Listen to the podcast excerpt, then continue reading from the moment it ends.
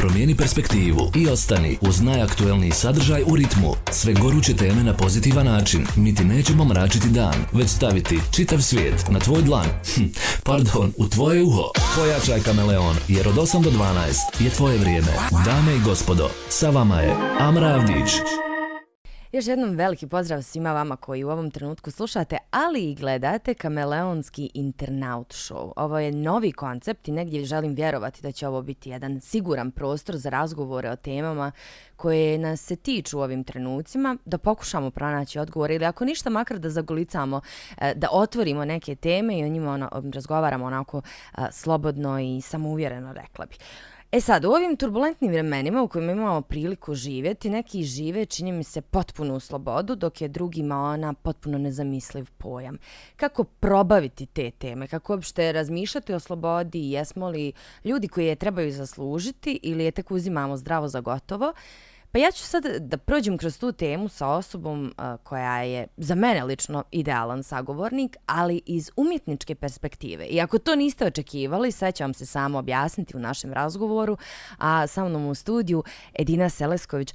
Edina, ti meni dođeš nekako onako vrlo talučna osoba. S tobom, sve što počnem da radim, počnem s tobom i onda se to odvija onako eh, poprilično lijepo. Hvala ti što si tu. Hvala tebi na pozivu. Mislim da a, teme koje si odebrala za ovaj a, show su zaista a, jako bitne i interesantne, da onima ne razgovaramo dovoljno. Um, I super je zaista što a, pokrećiš ovakve diskusije. E pa hvala ti odmah da idemo u kost. Moram te pitati kako ti probavljaš sadržaj koji konzumiraš na internetu posljednjih nekoliko mjeseci, da ne kažem posljednjih nekoliko dana. Kako generalno troši li te i koliko uspijevaš da se distanciraš ili svjesnom odlukom ne želiš da se distanciraš od toga? Mislim da je medijski prostor jako problematičan. Kada kažem medijski prostor, mislim da je a, mislim uopšteno neki javni prostor, dakle od razgovora u, u neformalnih u nekim kafićima, restoranima, pa sve do onoga što vidimo na televiziji zaista je uh, nešto što nas može um, sve nekako preopteretiti, može nas uh, isto tako i usmjeriti u, u neku pogrešnu stranu. Um, znaš kako, u ovom vremenu, sada kada živimo u vremenu uh, početka umjetne inteligencije i svih ovih um, novih sadržaja koji nam se uh, nude, mislim da moramo uh, biti još pametniji, uh, još nekako uh, založeniji, još odgovorniji a, prema tome šta konzumiramo i na koji način ga konzumiramo. Mislim da a, ljudski rod u ovom cijelom procesu a, se mora a, dobro opametniti a, i mislim da a, mi u stvari moramo postati, postati na neki način kustosi sadržaja kojeg primamo. Jer toliko je sadržaja, dakle i vizuelnog i zvučnog i tekstualnog a, i sav taj sadržaj plasira na način da a, nam a, zauzme našu pažnju onako spektakularno a, da ne smijemo sebi dozvoliti a, da samo reagujemo i da samo budemo neki posmatrači. Mislim što se više razvijaju nove tehnologije, da i mi moramo više postati ovaj svjesni a, toga što čitamo, što gledamo, a, jer ako to konzumiramo onako banalno, a, zaista možemo imati problem. Tebe često predstavljaju, pa i mi sami, ja nekako ne odolim tome da uvijek kažem bosansko-hercegovačka, američka umjetnica, međutim mogla bi reći svjetska umjetnica, e, ne samo zbog umjetnosti koja zaista tvoje umjetnosti koja dolazi u svaki ugao ovog svijeta, e, nego i zbog tema na koje te ljudi pozivaju da o njima govoriš, a nekako te teme se vrati na slobodu i sad postoji razlog zašto sam ja odlučila da baš s tobom razgovaram o slobodi. Po meni, ako sa nekog laičkog aspekta posmatram, umjetniku najveće oduzimanje slobode se dešava onog trenutka kada njegova umjetnost ne može da dođe do publike, odnosno kada je uslovno rečeno cenzurisan. Um, tebi se jedna takva priča dogodila. Možeš li uvesti za sve one koji evo nemaju ništa pojma o tome, a gledaju nas i slušaju u ovom trenutku, onako u kratkim crtama, šta se desilo na tvom umjetničkom putu, pa onda dođe do te cenzure? Pa moram reći ovako vrlo samo kritično da ja i kao umjetnik bavim se ovom profesijom jako dugo vremena. A, nisam razmišljala a, ni o svojoj publici, a ni o a, svojoj odgovornosti prema toj publici dok ja lično nisam imala problem. Mislim, kad to svi onako shvatimo da smo a, u suštini jako sebični, možda, možda krenemo na boljem putu. Ja sam stvari jako dugo vremena nakon a, diplome stvarala umjetnost koja je bila namijenjena za galerije, za muzeje, koja je bila namijenjena mojim kolekcionarima, kustosima a, i tako dalje, ali, ali nisam se bavila temama koje su bile na bilo koji način društveno odgovorne. Um, ta cijela promjena u mom životu i mislim da su nekad i problemi super jer ako a, nađemo dobro rješenje za njih one sna, stvarno mogu usmjeriti u nekom dobrom pravcu. Um, sve je krenulo tako što um, je još 2014. godine a, profesor Rio Komšić koji je tada bio gradonačelnik grada Sarajeva mene zamolio da dizajniram poštansku marketu za obežavanje 100 godina početka Prvog svjetskog rata. E sad, pošto mi živimo u jednoj jako interesantnoj zemlji gdje neke stvari još nismo ovaj a, definisali, nismo tačno odlučili ovaj um, šta se desilo. Mislim, istorija jeste a, ponekad um, tako fleksibilna. Um, ja sam dizajnirala nešto što je u stvari bio pogled u budućnost, što nije govorilo o prošlosti, što nije ni na kakav način ovaj, bilo kontroverzno. A, međutim, taj imidž jeli, ptice mira koja leti iznad grada Sarajeva je zabranjen. Um, I to nakon što uh, je ta markica eh, na neki način bila odobrena i od gradonačelnika i od uh, direktora pošte i regulatorna agencija u Bosni i Hercegovini za izdavanje poštanskih markica za koju ja nisam ni znala da postoji do tog momenta, a dizajnirala sam poštanske markice i prije. Um, jednostavno to zabranila. E sad zašto je to zabranila i kako je to zabranila mislim da je manje bitno. Um, ali uh, dakle meni kao umjetniku se desilo o, ono što je meni bilo jako devastirajuće, to je da je neko a, u stvari a, ugrozio moju slobodu izražavanja. I to onda kada nisam imala namjeru da ovaj a, govorim o bilo kakvom, kak, kakvoj kontroverziji. Um, ali zabrana te poštanske markice u stvari mene natjerala da razmišljamo o nekim stvarima koji su veći od mene same i tako je došlo do uh, slobode. Mislim da uh, u cijelom ovom putovanju uh, te umjetničke instalacije koja je nastala um, nakon te zabrane je um, u stvari smo pokazali da o slobodi ne govorimo ako nemamo problem, o slobodi ne razmišljamo ako nemamo problem. Neko je rekao, uh, evo ovih sedam godina sam zaboravila i ko, da je sloboda kao uh, zrak, da ne razmišljamo o njoj dok nemamo problem sa disanjem. A, I mislim da a, to zaista može biti ovaj problematično. Mislim da mi u Bosni i Hercegovini um, znamo dobro što znači nemati slobodu, što znači nemati mi, uh, mir uh, i da možemo na neki način biti ti ljudi koji će um, opominjati svijet da moramo razgovarati o slobodama. A, kad se desila pandemija, nazvala me je a, kustoskinja iz Brisela, a, gdje sam izlagala ovu instalaciju par godina ranije i rekla mi, sad znam o čemu si ti govorila cijelo vrijeme. Dakle, dugo, a, dugo vremena a, ta, to cijelo moje nagovaranje ljudi da, da pričamo i razmišljamo o slobodi um, u stvari nije bio ni toliko svaćen dok ti ljudi nisu imali problem i dok nismo vidjeli kako brzo i kako lako možemo ostati bez svoje slobode. Um, I moj cijeli cilj u stvari je bio da uh, natiram ljude na neki način, da budem um, onako kao jel neki instigator a, koji će a, u stvari nekako abstraktno vući ljude za rukav a, i tjerati ih da a, govorimo o slobodi jer mislim da ako ne govorimo o njoj a, da smo u problemu da se ona jako teško stiče a jako lako gubi. Hm. Trenutak me djeluje od toga da te pitam a, da li smatraš da smo slobodni kao društvo, ali hajde da dam jedan kontekst tome. A, također, po mojom mišljenju, ti si jedna od umjetnica uh, koje ja poznajem, uh, pa možda i regionalno i šire od toga, koja se jako dobro i brzo snašla u digitalnom svijetu, odnosno u toj virtualnoj realnosti. Svoju umjetnost si nekako napravila sjajnu simbiozu između tog realnog i virtualnog i mislim da jako dobro plivaš u tim vodama ukoliko sebi mogu dozvoliti da dajem procjenu toga. Međutim, s druge strane, me zanima da li smatraš, e, taj internet nam daje neograničenu slobodu. I evo, sjajno je kada pričamo u kontekstu umjetnosti. Međutim, mladi ljudi ga koriste, mm, a meni se u glavi rađa pitanje da li smatraš da smo na tom internetu slobodni ili ga možda ne znamo koristiti toliko dobro pa brzo upadamo u zamku da pod njim bivamo zarobljeni. Evo, ne znam, želim mišljenje nekog. može može ono ma, malo dobro. duži odgovor na, na, na kratko pitanje. Um, Eh, često uh, ljudi iz medija me pitaju pa dobro šta je ta sloboda je li uh, cilj uh, ovoga što radimo uopšte nije bilo ni, ni dobijanje odgovora na to pitanje uh, nego je bio pokretanje razgovora ali u okviru svega toga smo radili duboko istraživanje o stanju slobode dakle sada govorimo o 2015. ili 16. godini kad smo krenuli uh, o stanju slobode u svijetu trenutno. I tada je Međunarodni institut za slobodu uradio istraživanje i dokazao, da vas ne davim ciframa, da u suštini smo mi sada manje slobodni nego što smo bili prije 10, 20 ili 30 godina.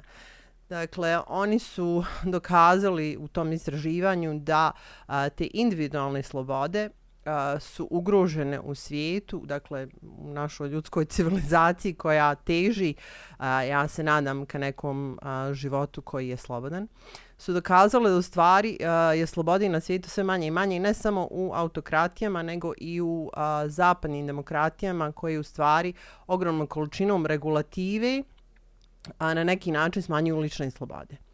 E sad je pitanje da li mi kao ljudi uh, zaista moramo imati ovaj ogromnu količinu regulative da bi se ponašali kako treba a, i da ne bi ugrožavali uh, slobodu jednim drugima. Uh, ono što uh, mi se često dešava, dakle do sada je neki 5000 ljudi um, odgovorilo na to moje pitanje šta uh, tebi znači sloboda uh, u različitim državama na različitim jezicima. Um, ali mi se jako čini da um, prvenstveno um, sloboda a nekad, uh, nekada znači na sloboda nekog drugog. ovaj, isto tako ono što je bilo fenomenalno, pogotovo recimo, um, dakle, ova instalacija koju govorimo, Think Freedom, je obilježila um, američka ambasada u Mađarskoj i Slovačkoj, je uh, kroz taj projekat obilježila 30 godina od pada Berlinskog zida u Mađarskoj i Slovačkoj um, prije par godina, 2019. godine. Ja sam kao umjetnik razgovarala sa jako puno ljudi baš na, na ovu temu. Um, I uh, činilo mi se nekad, pogotovo u tim zemljama, um, da, dakle, zemlje koji su prošle kroz uh, jednu diktaturu, izašle um, na kraju toga na jedan totalno drugačiji način, uh, čini mi se jako da uh, stvari sloboda znači odgovornost da biti slobodan a, nosi jedan ogroman a, kofer a, odgovornosti. Dakle, ja razgovaram s mladim ljudima i uvijek je pitanje, ako si slobodan, da odlučiš, evo, banalno, na bilo koji hoćeš fakultet da ideš, a, kako napraviti tu odluku da je dobra a, i kako na kraju prihvati odgovornost da je ta tvoja odluka zaista najbolja za tebe. Možda je puno lakše kad ti neko nešto naredi i kad nemaš tu slobodu izbora.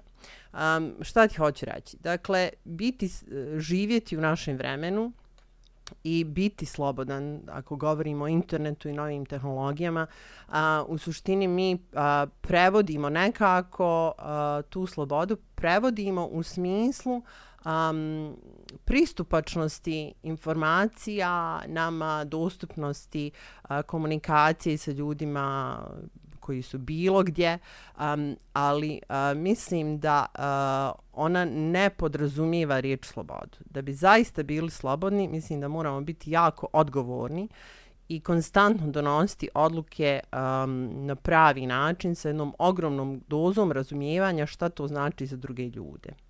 A, tako da dok mi ne naučimo da a, i dok ne počnemo obrazovati naše mlade ljude, da je uh, internet samo još jedan uh, vid javnog prostora, da se u njemu trebamo ponašati kao što se ponašamo na ulici, a, da su nove tehnologije uključujući VR i AR i, i, i umjetnu inteligenciju u stvari samo još jedan alat za koji mi opet moramo biti malo mudriji da ga koristimo, um, mislim da nećemo u suštini um, shvatiti šta je sloboda. Ja sam, vjerujem, mislila da su mladi ljudi dugo vremena um, sam mislila da su oni uh, drugačiji o recimo uh, neke moje generacije u to vrijeme jer upravo imaju tu uh, dostupnost informacije ljudi.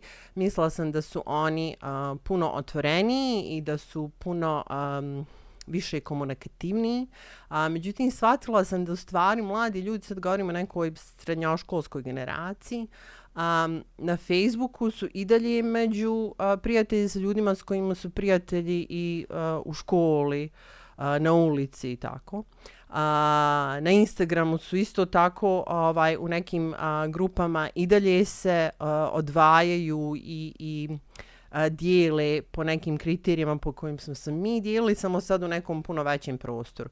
Um, žao mi je što u stvari taj, um, taj alat za komunikaciju nije donio da oni um, razmišljaju na nekom globalnom planu. I razmišljati uh, globalno nije jednostavno, um, ali uh, je moguće. I mislim da ih moramo zaista i mi sebe, a i njih edukovati da sve to što je sada nama dostupno nam u stvari daje još jednu ogromnu količinu odgovornosti.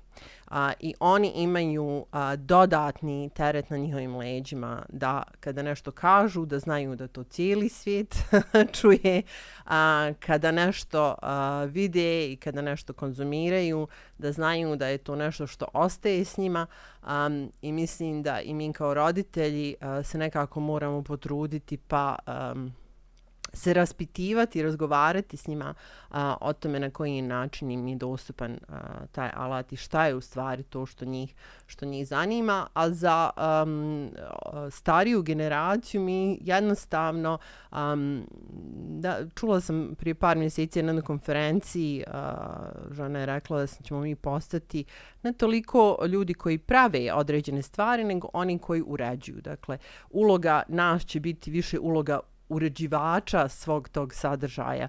Um, I mislim da ako ćeš biti urednik nečega, to jest urednik svog života ili urednik ono što je na tvom a, mobilnom uređaju, urednik onoga što konzumiraš, um, da se zaista moraš obrazovati u kojim to smjeru ide. Dakle, o čemu govorim? Nije više dovoljno pročitati vijest, Dakle, morate znati odakle ta vijest dolazi, koju je napisao, kako je napisao, a s druge strane um, treba, mislim, vjerujte, pitala sam evo gospodina Nenada Pejića koji je čovjek zaista uh, vrhunski novinar i postigao sve u, u medijima što se moglo postići, um, kako izbjeći laž i kako doći do istine. I on mi je dao samo jedan odgovor, a to je vrlo teško. Tako da, a, opet govorim, a, mislim da e, idemo u jednom pravcu gdje se moramo dobro osvijestiti, otvoriti oči, otvoriti uči, uši i znati šta vidimo i šta slušamo. Nemamo previše vremena na raspolaganju za ove razgovore, međutim, hajde da pokušamo privesti ga kraju opet kroz umjetnost. A, ako je internet, odnosno taj online svijet, dobar alat a, za možda razumijevanje svih ovih stvari koje si navela, a, koliko um, nam umjetnost može pomoći u percipiranju sebe i odnosa sa slobodom. Nadam se da sam ovo dobro objasnila, ali zaista e, često se dešava da ljudi vežu sebe onako kako ja to vidim, e, da umjetnosti pripada ako imaš neki talent koji se veže za umjetnost. Umjetnosti pripada ako si se školovao za to. Sve mimo toga nekako se udaljavamo i čak se mladi udaljavaju, ti ih približavaš, to je ono čemu sam svjedočila, zato te to i mogu pitati. Pa evo, kako koristi umjetnost da bolje razumijemo slobodu i same sebe? Vidi, vizualna umjetnost, mislim, o kojoj, jedina o kojoj ja imam nekako, mislim, nemam pravo govoriti, je u suštini primarna ljudska aktivnost. Vizualna umjetnost je nešto što nam je od samih početaka naše civilizacije omogućavalo da shvatimo, a, nekako provarimo, da spoznamo neke koncepte koji su možda a, preabstraktni a, za riječ, za zvuk, za misao. A, vizualna umjetnost je nešto što može a, napraviti neki, ne, neki dobar sklop između našeg kognitivnog i emotivnog a, i dati nam nekako drugačiju viziju našeg prostora. E sad, a, ne radi to svaka umjetnost. Mislim da a, kao i ja, kao i drugi umjetnici smo se jako dalili od publike u nekoj želji a, da... Um, ne znam, nije možda se dopadnemo ni drugima, nisam sigurna, ali a, je istina da se savremena umjetnost udalja od ljudi i ja se nadam da ona sada ide korak unazad i da se približava ponovo ljudima. Jer pogotovo u ovom vremenu a, nam zaista treba alata koji će nam pomoć da nekako shvatimo sve ovo što se dešava oko nas. Um, mislim da uh, dobra vizualna umjetnost, a jedina dobra vizualna umjetnost je umjetnost koja tebe ili mene ili našeg snimatelja trenutno može da potakne na razmišljanje, može da potakne na osjećanje, na neko osjećanje koje nije osjetio prije na, ili na neku, um, neko osjećanje uh, koje je zaboravljeno ili na neko promišljanje um, o kojem um, možda nije mislio ili nisam mislila. Um, tako da se ja trudim da pravim takvu umjetnost, dakle umjetnost koja um, može da um, nas potakne neko razmišljanje, umjetnost koja može da uh, dotakne ili da nam pomogne da savladamo neki koncepte koji su uh, jako veliki i čine se preveliki za nas. Uh, možda je ponekad dovoljno i pogledati kroz istoriju umjetnosti pa vidjeti da vas neka slika animira, iako je ona naslikana od nekog čovjeka koji je živio prije 500 godina i apsolutno ne možete pojmiti njegov život, niti je on mogao pojmiti vaš, ali ta konekcija se ostvari. E to je, to je umjetnost um, koju ja težim i to je umjetnost koja um, na, zaista može ne, odvesti nekom pravcu. Mislim da umjetnici imaju ogromnu odgovornost u ovom momentu um, da uh, nam pomognu da sagledamo naš svijet na neki drugi način. Uh, dakle, mislim da smo puno poruka poslali mladim ljudima želim da vjerujem u to, mene makar uvijek inspiršeš i potakneš na neke teme u mojoj glavi, a meni to tako nije teško, nisam overthinker. Ovaj, ali hoću da završimo s tim, daj mi, molim te, jednu knjigu, jedan film i pjesmu koju misliš da bi možda nekoj mladoj osobi bilo super da možda čuje po prvi put, pročita, pogleda, a tebi je važno negdje u životu? A, pa dobro, možda ćete malo iznenati, ali ono što ja gledam, čitam ili slušam ovaj, su prilično onako ekletične stvari. Ovaj, um, ta pjesma Girls in a Fire je u stvari, uh, ja to zovem himna ovaj, uh, Berbić cura, na mojih čerki. Ovaj, I mene koja, kad imamo onako težak moment u životu, onda šaljemo jedna drugoj tu pjesmu, jer ona je nekako ovaj, nas, nas digne i meni je uh, dobro jer nekako ovaj, daje, daje novi, novi elan ovaj, iako možda često osjećam da sam da gorim. ovaj, tam je super pjesma i naravno ovaj, Alicia Keys koja je fenomenalna umjetnica. A što se tiče filma, moram preporučiti Dangerous Beauty. Iako šokirat ćeš se, to je jedan ljubavni film. A, ja znam, pogledala sam taj film i ima par citata koje se mogli izdvojiti. ovaj, ali uh, to je jedini film iz kojeg ja, iako stvarno sam, mislim, postoji puno fenomenalnih filmova na svijetu koji su možda inspirativni od ovog, ali to je jedini film iz kojeg ja znam ovaj, uh, citirati uh, koji citat i mislim da je onako baš feministički orijentisan um, i jako govori o snazi žene i, i nekako o um, u stvari tom konceptu kad ti ne upali jedno, onda je li kako isto ga napraviti najbolju stvar na svijetu. Mislim da je ona, taj film super uh, za, za ovaj, pogotovo mlade djevojke. Um, I što smo rekli na kraju? Knjigu. I onda nam ostaje knjiga. Knjiga uh, Isaiah Berlin um, na engleskom, evo ja ću sad prevesti na naš, um, to je kao mala istorija uh, čovječanstva u stvari uh, jako je debela knjiga, ali govori o tome zašto istorija nije egzaktna nauka. I kaže ovako, možda je ovo dobar, dobar kraj, evo ja ću parafrazirati, ali kaže da istorija nikada ne može biti egzaktna nauka, ne može biti nauka, zato što ako nas dvije razgovaramo sada, uh, i odemo od ovog razgovora i neko pita tebe o čemu ste razgovarali, neko pita mene o čemu smo razgovarali, nas dvije možemo da kažemo totalno suprotne stvari.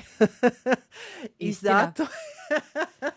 zato je stvari ovaj nekako jedan od problema ljudskog roda što a, puno toga što vidimo i puno toga što radimo a, radimo iz neke naše perspektive, ali je dobra vijest da tu perspektivu možemo promijeniti i da možemo promijeniti percepciju na koju na, na osnovu koje i doživljavamo naš svijet. E pa jeste savršen kraj. E, mi smo negdje izdvojili sa društvenih mreža neke fotografije, tekstove i slične stvari koje se vežu za tebe i mogu ti reći svašta je stalo. Ovo je samo posljednjih par godina. Hvala ti puno što si bila moja gošća, što si negdje otvorila ovaj novi serijal uh, i, i, i definitivno moram pročitati tu knjigu. To mi je sad zadatak. Hvala veliko Amira i a, sretno. A vi ostanite uz Radio Kameleon i naš novi internaut show. Vidimo se. Promijeni perspektivu i ostani uz najaktuelniji sadržaj u ritmu. Sve goruće teme na pozitivan način. Mi ti nećemo mračiti dan, već staviti čitav svijet na tvoj dlan. Hm, pardon, u tvoje uho. Pojačaj Kameleon, jer od 8 do 12 je tvoje vrijeme. Dame i gospodo, sa vama je Amra Avdić.